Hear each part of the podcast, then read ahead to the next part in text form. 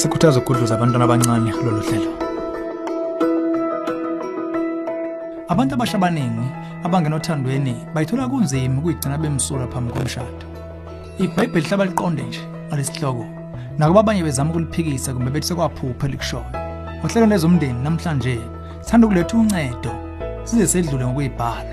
Lokho kuzokusiza ukwenza iy'nqumo ey'khaliphile sicela uhlale nathi.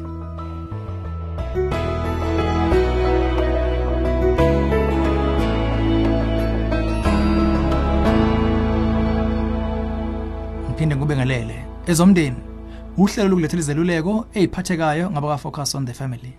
Sithole lo mbuzo kumlalo semusha obuze wathi uma sekuze kusondelaneni ngokomzima phambi komshado ikuphi la ngamele ngidlule khona?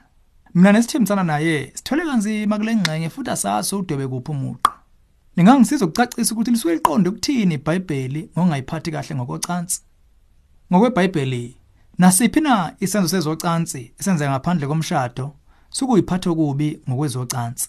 Lokho kubandakanya ukuphinga ungathembeki ukufeba ukulala ngaphambi komshado kumbe ukulala nabanye eceleni.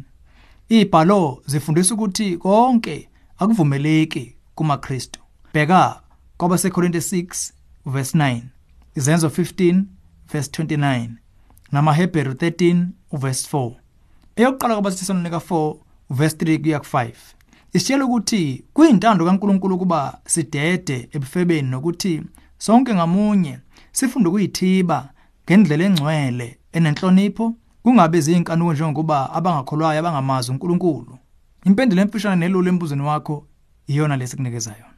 Kodwa indlela esingaphendulwa ngayo embuzweni wakho ngokujulile. Lokho kuncike eminyakeni yobudala bakho kunye nokuvuthwa komqondo. Kunokunye okuyisiqu lapha ngaphezulu ukuthi ikuphi la ungamele ngeqe khona. Okuchaza indaba yesikhathi.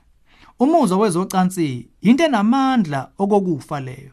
Ukusondelana ngokwezothando kuyanyukela ngokwemvelo yakho ngamanye amazwi kuprogressive. Lokho kuchaza na?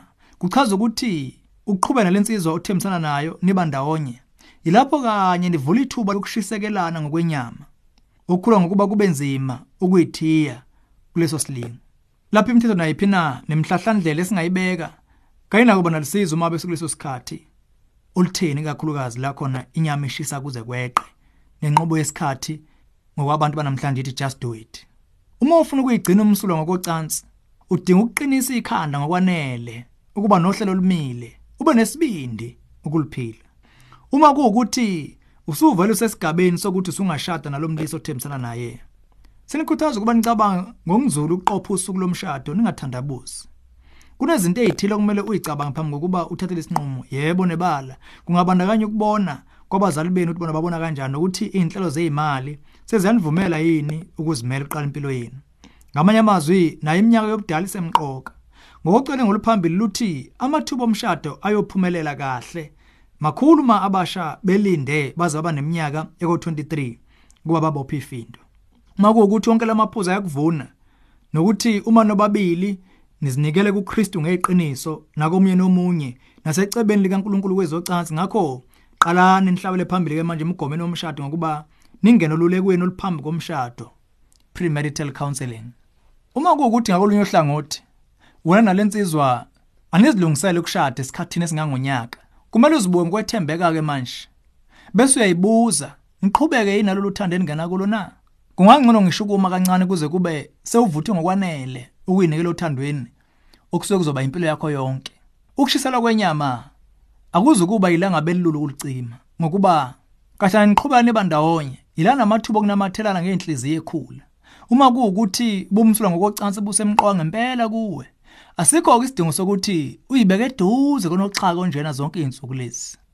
Okwamanje cela ukuphakamisa umbhalo olusizo obizwa ngokuthi ready to wed lencwadi igcwele amathuluzi namathiphu nemiyalelo ngokulungisela umshado nokuningi ongaqalisa abazoshada ngendlela enhle bephethe ngokulungisela umshado nokuningi ebizwa ngokuthi 12 traits of thriving marriage.